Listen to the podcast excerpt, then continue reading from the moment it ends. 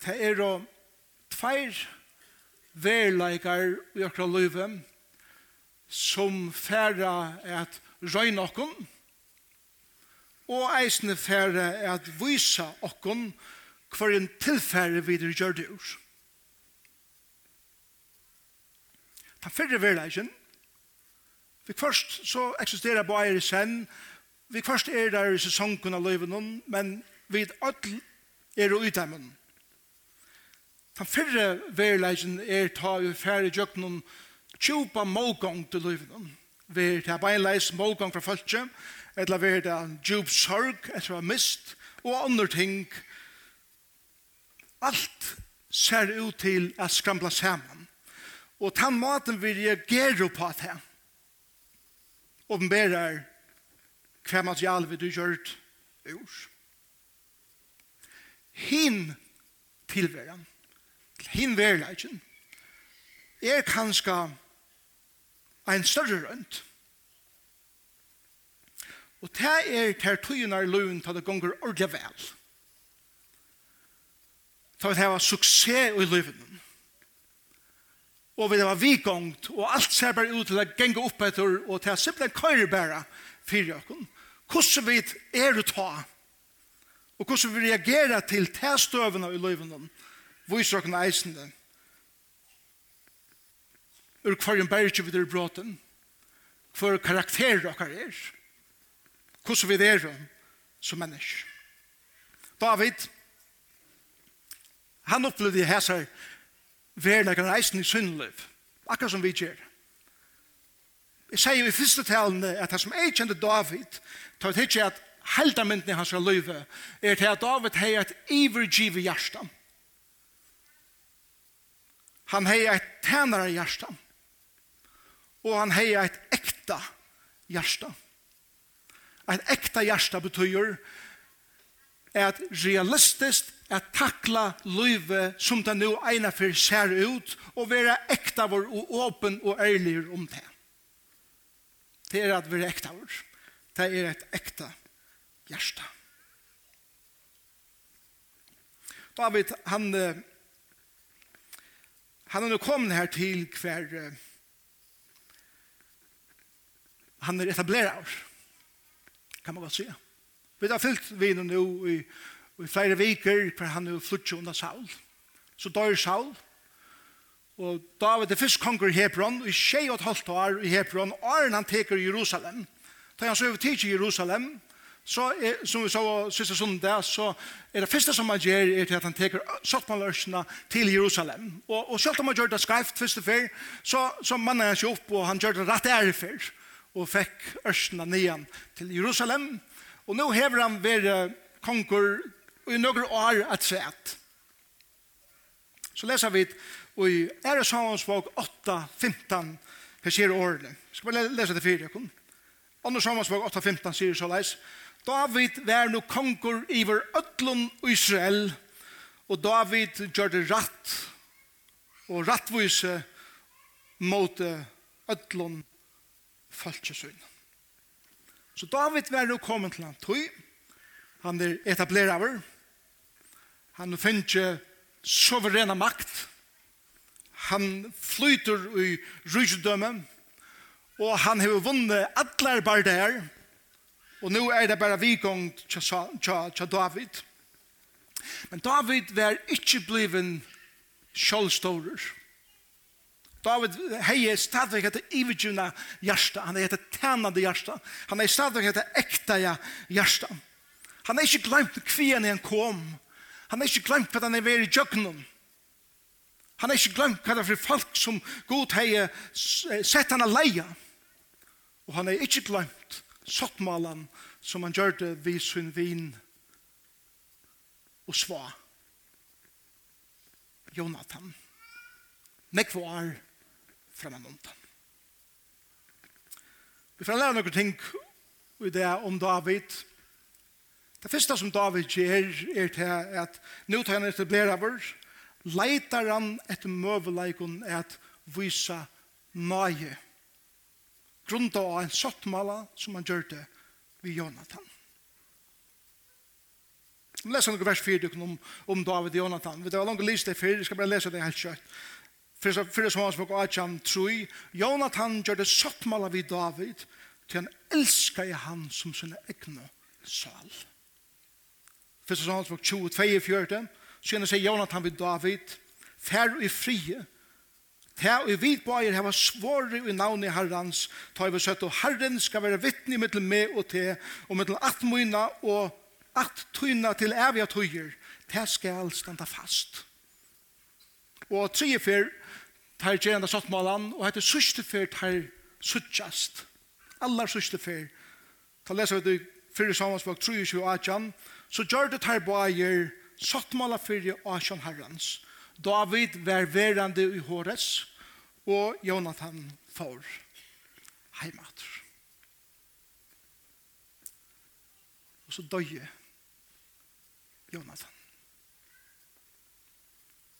Og så leser vi kapittel 8 og i, kapittel 9 og i, og i ære sammanspråk heter kapittelen som jeg skal føre jøkken i det. Fyrsta vers. Men still, David etablerer. Men nå får han leite etter møvelegger noen er at sikne og vise nøy. David sier, man nu nekar være etter i huset Sauls, så jeg kan vise honom miskunn fire Jonathans skuld. Det er ikke fantastisk. Det var sier at heimen døven, at om ein konga ble skiftet ut ved en æra, så skulle ødel, og jeg mener ødel, menn, kvinner, bøden, utrotast. Og i tøy kongaten som hever jo over. Fire er sikra seg at ungen rivaler kom settende og ville teka tronen natt. Det er vært kulturelt akseptera at heimen døv. Og David, han som gjør, jeg får ikke Jeg får ikke livet etter tog som kulturen, eller mentan, alt alltid sier vi skulle gjøre. Jeg får ikke etter hva det er som Guds år sier. Og han er andre sier det jeg skal gjøre.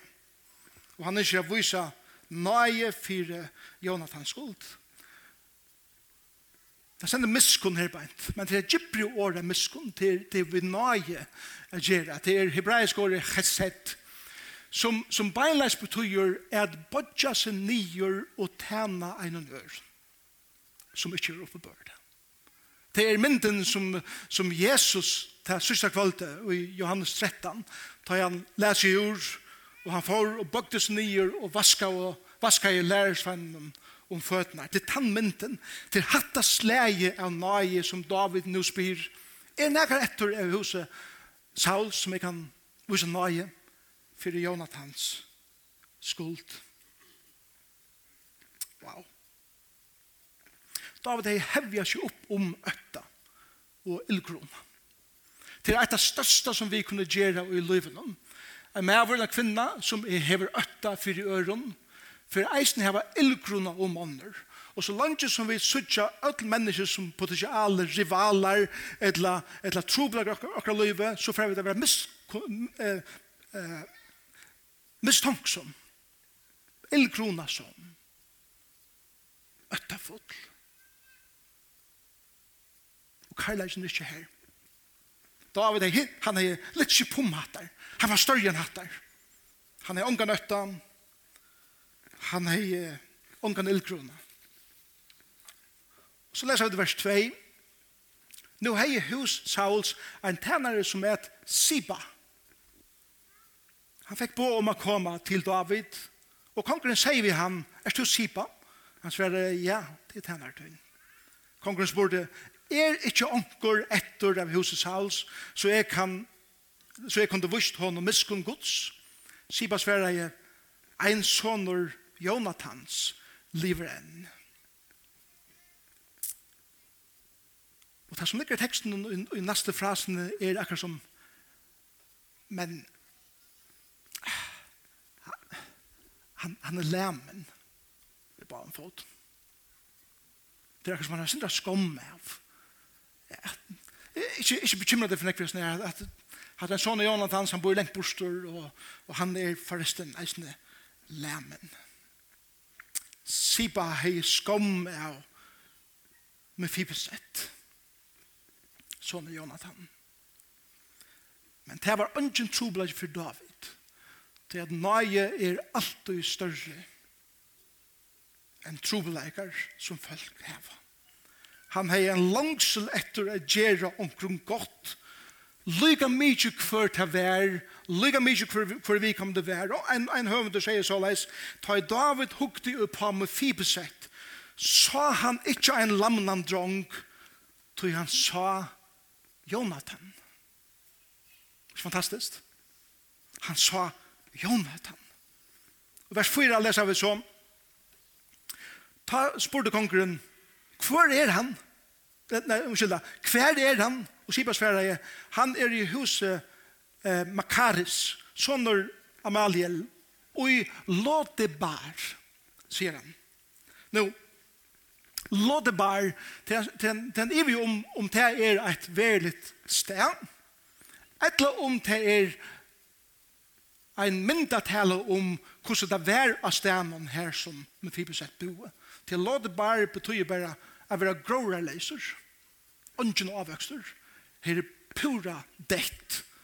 Og til det mynd er at med fibersett, sånn og Jonathan, hever i åra vis på omkring måte krekva til han vet at han er eneste iveliveren av familiene, og han råkna vi at hvis han var funnen, så var han drypen. Det er la øynene. Og tog fer han så lengt bort som han kan, og gjør så lydig om seg som han kan, og her røyner han, og vi leser vers 12, at han hever en liten son som heter Mika, som kanskje enda er en liten smadranker. Og her røyner han med sin lille familie, og jeg får enda når jeg røkker sammen.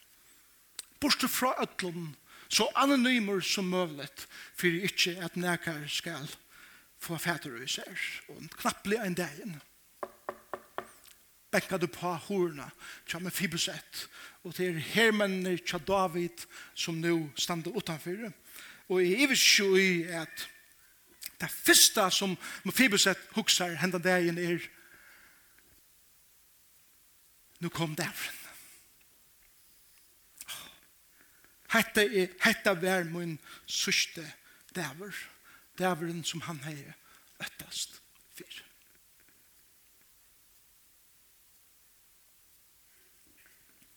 Men så leser vi vers 6. Og til det neste som vi lærer om David. Ikke bare leiter han til omkring at vise nøye, men nå bruker han møveleikene at vise nøye. Det kommer ikke til. Og i vers 6. Ta og i Mofibeset, sånn og Jonathan, sånn Saul, kom inn til David, kastet han seg nye og anlitt sutt og bøkte seg. Men David sier, med fipesett.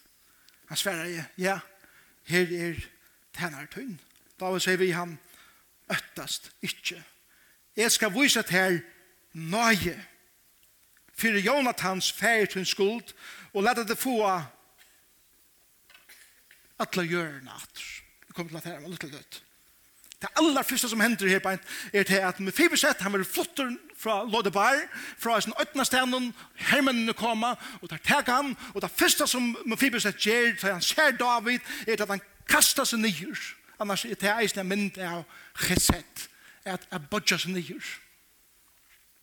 Men han bodja seg nyer i øtta, og David sier vi han, med Fibersett. Er det ikke noe vitt å ta folk sier til navn? Da du møter en person og du vantar kanskje en skorflunge. Men du hører i tånalen til det sier ditt navn. At det får ikke det som jeg vantar med. med fibersett. Og da vil vi igjen med fibersett. Øttest ikke.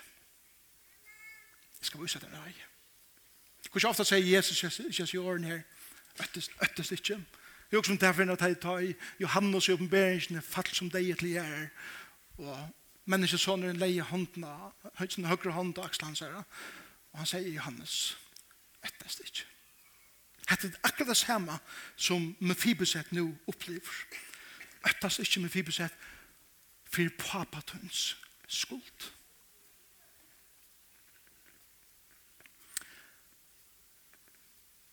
Jeg elsker til vekkene til et avkom.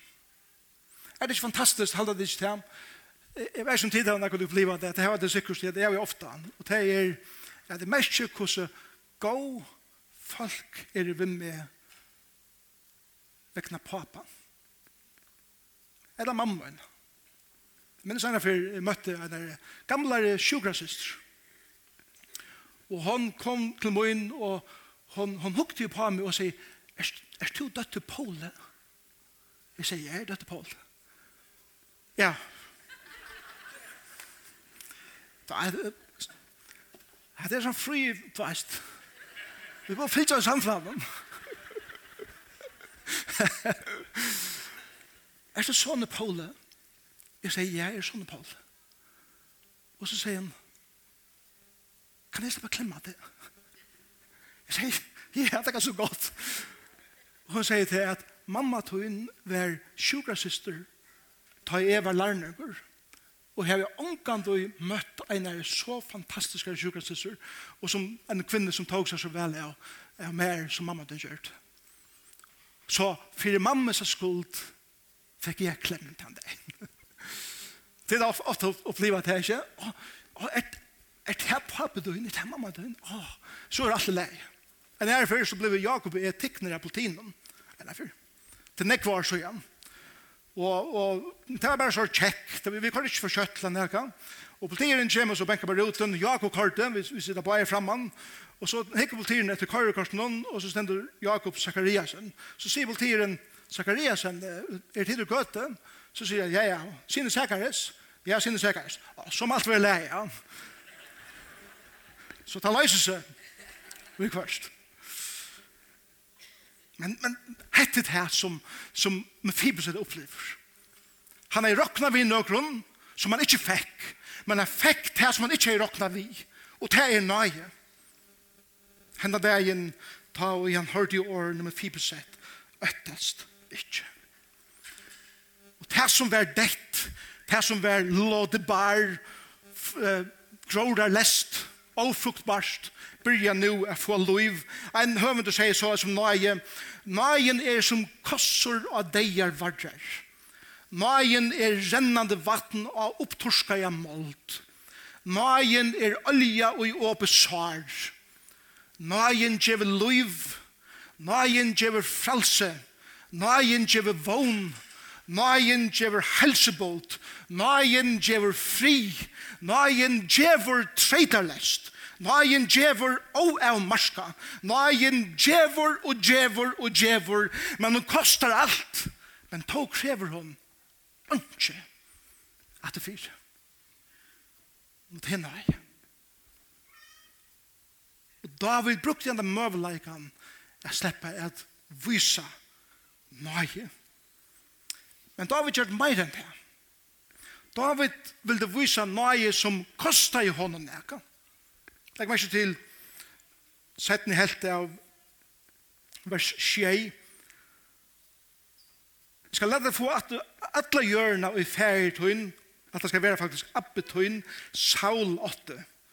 og to skal alltid eta vi bor møtt. Da kastar han seg nyer og sier, hva er det tjener tøyn at du venter til her til en deian hund som er? Kongren, legg meg til David Sverre, ikke på at han tar seg nå i Sifa, eller Sipa, til han er Saul, så sier vi han, alt til og i Saul, og alt hos hans er hever ått, her vi er give sine herra tøns.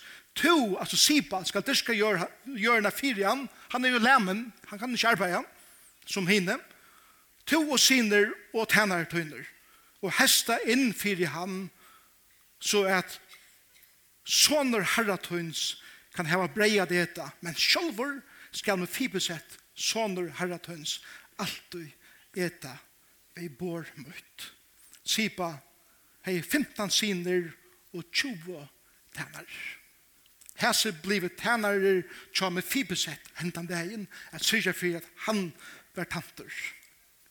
Og ta sier Sipa i vers 11, tænar tøyn skal i ein og øtlun gjera som herre min kongren hever, eller djever tænar sønnen og om. Nøye tid djever så det kost han meg. Han visste med fibersett nøye, møvelegene visste nøye, og da har vi kunnet jeg stekke her. Men nå sier han, men det skal koste meg nek. Öll gjøren i saulåten, hans er privat lente, og øtl hans er at, som nu er ferdig i mine hendur og i ære hendur, skal vera tutt at. Og du skal få tænare i at hega seg av hjørne, som du skal eie, som du skal få avgående av, som du skal få vinningen av, vinning som annars jeg kunne finne, djevi et her nu, er være tøyn vinning. Vinning besta mot giften i imot hevesjuke og øvensjuke og maktsjuke er at djeva. Djeva så at det kostar meg neka. At djeva hjørna. Jeg vet ikke, vi er ikke hjørg, som jeg vil følge om anker eier, men, men djeva neka som er mer dyra bars. Djeva neka som jeg vet jeg kan få penger på sjur, og ta djev til en annan.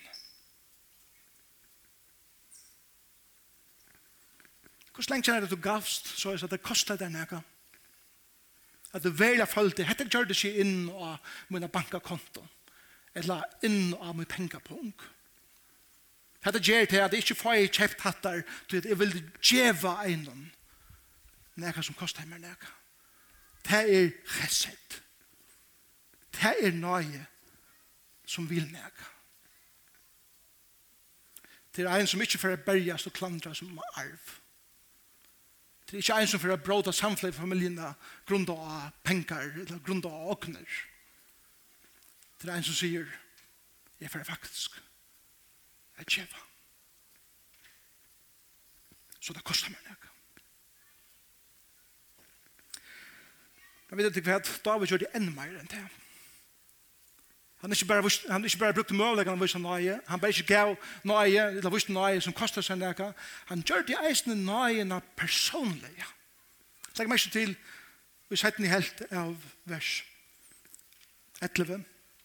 Men med fiberset skal eta vi bor mot som ein av sonen kongsins.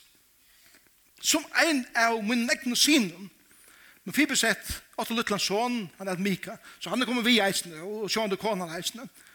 Og alle i huset Sipa var tænarar og Fibesets. Sjálf var bo med Fibeset i Jerusalem, tog at han alltid at vi bor kongsens. Og han var lemen i baven fot. Det er dårlig som sier her som det hjertet rom i reisende husrum. Og det var plass vi båre til David, fire med fipesett. Det passer jeg ein til bors et sett. Ein høvende sier så leis, David er vi bors, eller vi bor Sauls, men måtte flytja for livet Men nu etter Abbasoner Sauls vi bor Davids, og han slipper å liva til fullner. Til nøye. Og så ikke fyrir dere hentan dagen i Jerusalem. Og vi, nu, nu er vi kommet inn i spyse stovene tja David kanskjen av palassen som han har bygd seg i Jerusalem. David sier det til Habors. Han er jo kongeren. Så kommer Ammon, soneren som er kloker, latter i sinne, og setter seg nyer. Joab, Løyverje Davids, han er bjøver vi til bors i det, vel trimmaver, og ber arrene fra bardøen hver han varte David. Løyde sett nere øtl egene vend av Absalom da han kommer, til han er flottast av dem øtlen. Har Harre hunker nye akslene, fullkommen fra topp til tak. Det er pura frialet. Ta et tamar. Døtter kongs kommer inn. Døtteren vid dem gleggvande egenen. Akslene rankar og ber ryggen vel. Og så gjerne kommer Salomon. Han kommer bant ur bogasamnen. Her brukte han ekvatoi. Og setter seg til bors. Og nå sitter de alle her, og nå bor de etter med fibersett. Til at ønsken begynner i eta, for en med fibersett er kommet. Det har David sagt. Og så hører vi et klank, klank, klank, klank, klank. Og med Mofibuset kommer undan hjørnen, vi hører ikke noen som han eker seg iver i måte båren og seder seg nye av stolen og leder bort utjen fjalla føttene. Og nå sier konger velkommen bøttmøyne gjør så vel. Let dere ete og drekke. ein kripel mittlen røye alanar. Vær gjørter røye aler sjølver. David visste hvordan man behandler mennesker. Tony Campolo er ein amerikansk sociolog, men eisende teolog og predikamaur. Han fortalte henne for henne søve, og han sier så leis, la meg lese søvene for døkken. For han tog siden var jeg bjør over å tale og en ungdomslev og tja dronjon som var 14 år gamle. Så hugsa det kom 14 år gamle eller 14 år dronja leva. Det særde mot hjertet jeg suttja hvordan tar vi handla av Billy. Billy var føtter ved nekvun brekun. Han hei en heila sjuke som gjør det at han ikke kunne kontrollera sin egnu bevegelsen og sin egna sin egen tale. Hine bøttene i Argavan, de kallar han spastikaren, og nekv ånder, verre år. Ta Billy Jack iver om græsplinna, og leirnen, Kinko hine drøntjene at han åh honom, og hermte etter hans her, og styrlige gongeleie, og ødel var om at skrattna i latrum. Etter at jeg hermte etter honom, ta og han spurte en drong om ve, av vise seg ve, så krakte hin drongen seg saman og peika i og i atler atter som en spastikar ved og sier handan veien ta åregnasta som tar unge drongen og gjør det mordet billig være mye morgen holdt ikke billig, skulle de ha morgen andakt for hinnom hundre og trus drøngjennom som var her til morgenen. Alle drøngjennom i holdt ikke billig er kvart og for at billig skulle de ha andaktene. Der visste vel at han mekna i det ikke. Der ville du bare hava han på talersolen så der kunne gjøre enn meir grin på sjur hånden og arga han enn meir. Der sjå stuttleikan og jeg suttja billig, strujast, vonlest. Som billig for strujande opp av talerstolen hørtest vanvirselige lateren i bakgrunnen. Men vanvirselige lateren stekka i ikkje billig. Han kom loksens opp av talerstolen og rønte a byrja tåsa. Det tok billig i nesten 20 minutter å sige Jesus elskar meg. Og jeg elsker Jesus. Og Jesus elskar tikkun.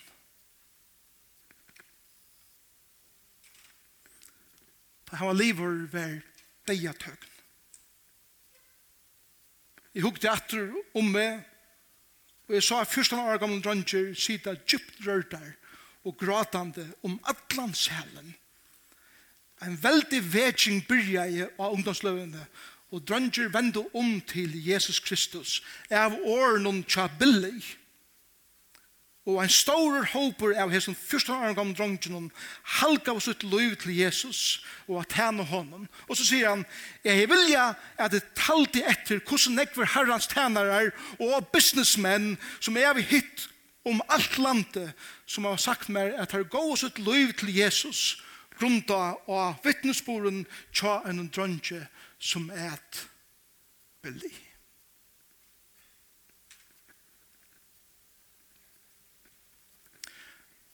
Vi standa som røyndene ta i mennesker kommer inn okra lei. Som kanskje ikke var som av hørleger som vi tar. Kanskje ikke som av meininger som vi tar. Kanskje ikke samme lovstil eller sier som vi tar. Men hvordan er vi? Sier vi ta god, vil du hjelpe meg at elska henne personen? Fær vi ta tala vi igjen, vi karlæga. Her vi dirve at vire han som en person som som er skapt og bøylande gods, selv man ikke lykker som vit. Tåra vi det elskar for Kristus skuld. Tåra vi det sier god, her er ein som ikke er lykker som er. God, her er ein som er torr for å elska. God, her er ein som er halde ikke kjenner til. God, her halde her er ein som ikke gong vil kjenne til. God, her er ein som er lengt bort fra det her. God, for Kristus er skuld. Vil du hjelpe meg at elska. Og vi så nøye, så at det kostar mer neka. To og jeg standa så testene kvann det. Kvann det. Meir eller minne. Hvordan vi behandla de menneskene som god leier nokra leie eisen de som er ringa elska. Eisen de som er pura annerleis enn vit. Eisen de som heta god og ikke vilja vi her i Jesu gjer. Her vid møvleikan å vise chesed. Nei. Hendan søvan er ein den besta mynden av evangelien. Vi er som Fibus sett, læmen og synd, Vi er öll syndarar. Og i Guds egen lämen. Men God tog fyrsta stige, som David tog fyrsta stige, at leita til dessa vysa nøye. Og da han finner okkur, så viser han ter og mer nøye for Kristus er skuld, som David viste med fiberset nøye for Jonathans skuld. Og vilja til kvæt, Ikke bare til. Han vurste nøye som kosta henne. Da han sendte sin son at dodja og Golgata for fyrir tøyna og munna sind. Og ikke bare til. Han gjør det nøye henne personlige. Til han er bøye, tær og mer til bors. Heima kja ser. Jeg sitter i mittelen røyalaner. Og en dag i himmelen, ta og i menn og kvinner hava sett seg vi bor heima så høyrest klank, klank, klank. Og to og jeg kom og akkurat høytjen. Ikke fantastisk. Til tog jeg kapitlen enda vi jeg sier, og han var læmen i bavon foton. Han brøttes det ikke. Han sa status, han sa, han sier ikke brøttes, men han var stadig læmen okkar status, okkar verden ikke brøytes da vi gjør okkar liv til Jesus, men vi er stavak lamen her. Men vi er bøyen til bors. Og da vi kommer til bors, som vi gjør kvann og vi suttjer seg myndene fyrir okken, så gaimer bordugren okkara føtter. Jeg mynda blå i Jesu. Som lykkar så vel gaimer føttene, ikke ötlen hinen som sitter til bors. Og Herren sier, Vi bør ikke eta før en jekvann er kommet. Vi bør ikke eta før en to er kommet. Og til alle har sett seg, så sier kongeren, frelseren, Velkommen, bøttmenn. Gjør så vel. Led dere neta. Og led dere drekka.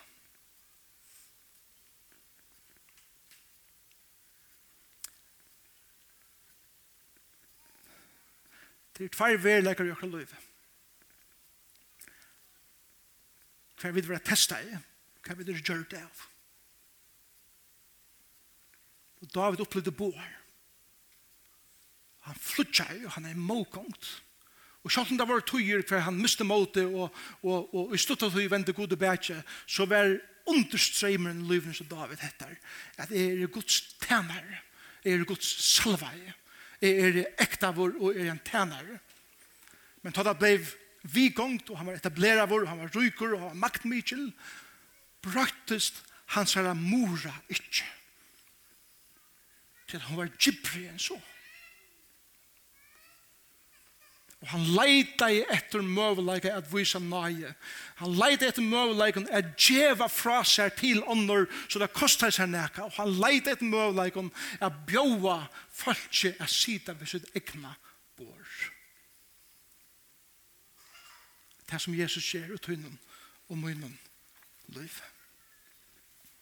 Hvordan ser hendan vikan utsatt her og hendan tøyen og arnen er det jo landet som gjør, jeg vet noe knappt det er så gå av og mildt. Hvordan var det januar, februar?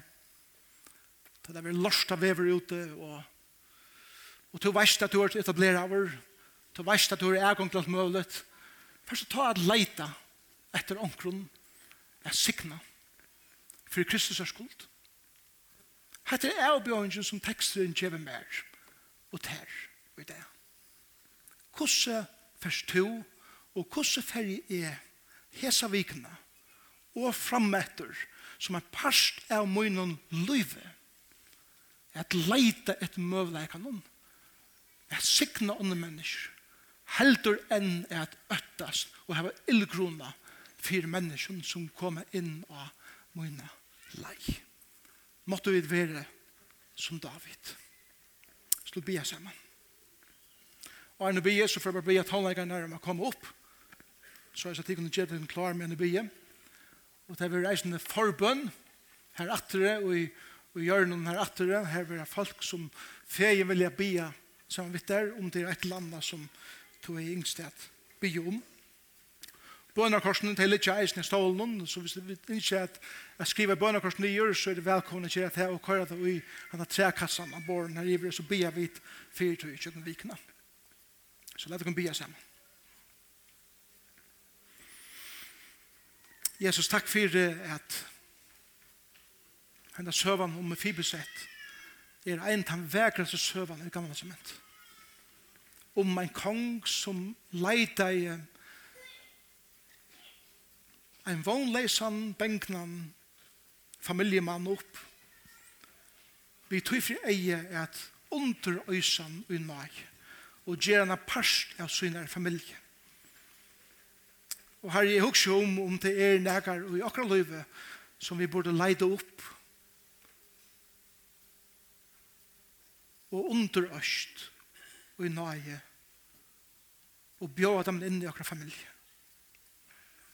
Vil du vise oss om hesa kommande viken er tannpersonen, personen. Og måtte være Ta vid liva, suksess og alt ser ut og ganga godt. Jeg vil ikke glemme hva fiender vil komme. Så så vid blå vi er veldig eimjuk og nøyer og mennesker. Sikna sankommene. Sikna kvann einstekan som er her det. Og vi takkar deg fire. det. Disse myndene som vi tar var sær eisende god. Hvordan du å elska okkom for Kristus er skuld. Sånn er tønns skuld. Skuld. Og det er ikke jeg takker deg for. At jeg og vi som hører det her til, er kvann det er bøyen til bors, kjøtt her. At njøta avgåan av ødlentøy som to innskjør og leitar etter. Jeg sikna oss vi. Og i Jesu navn. Amen.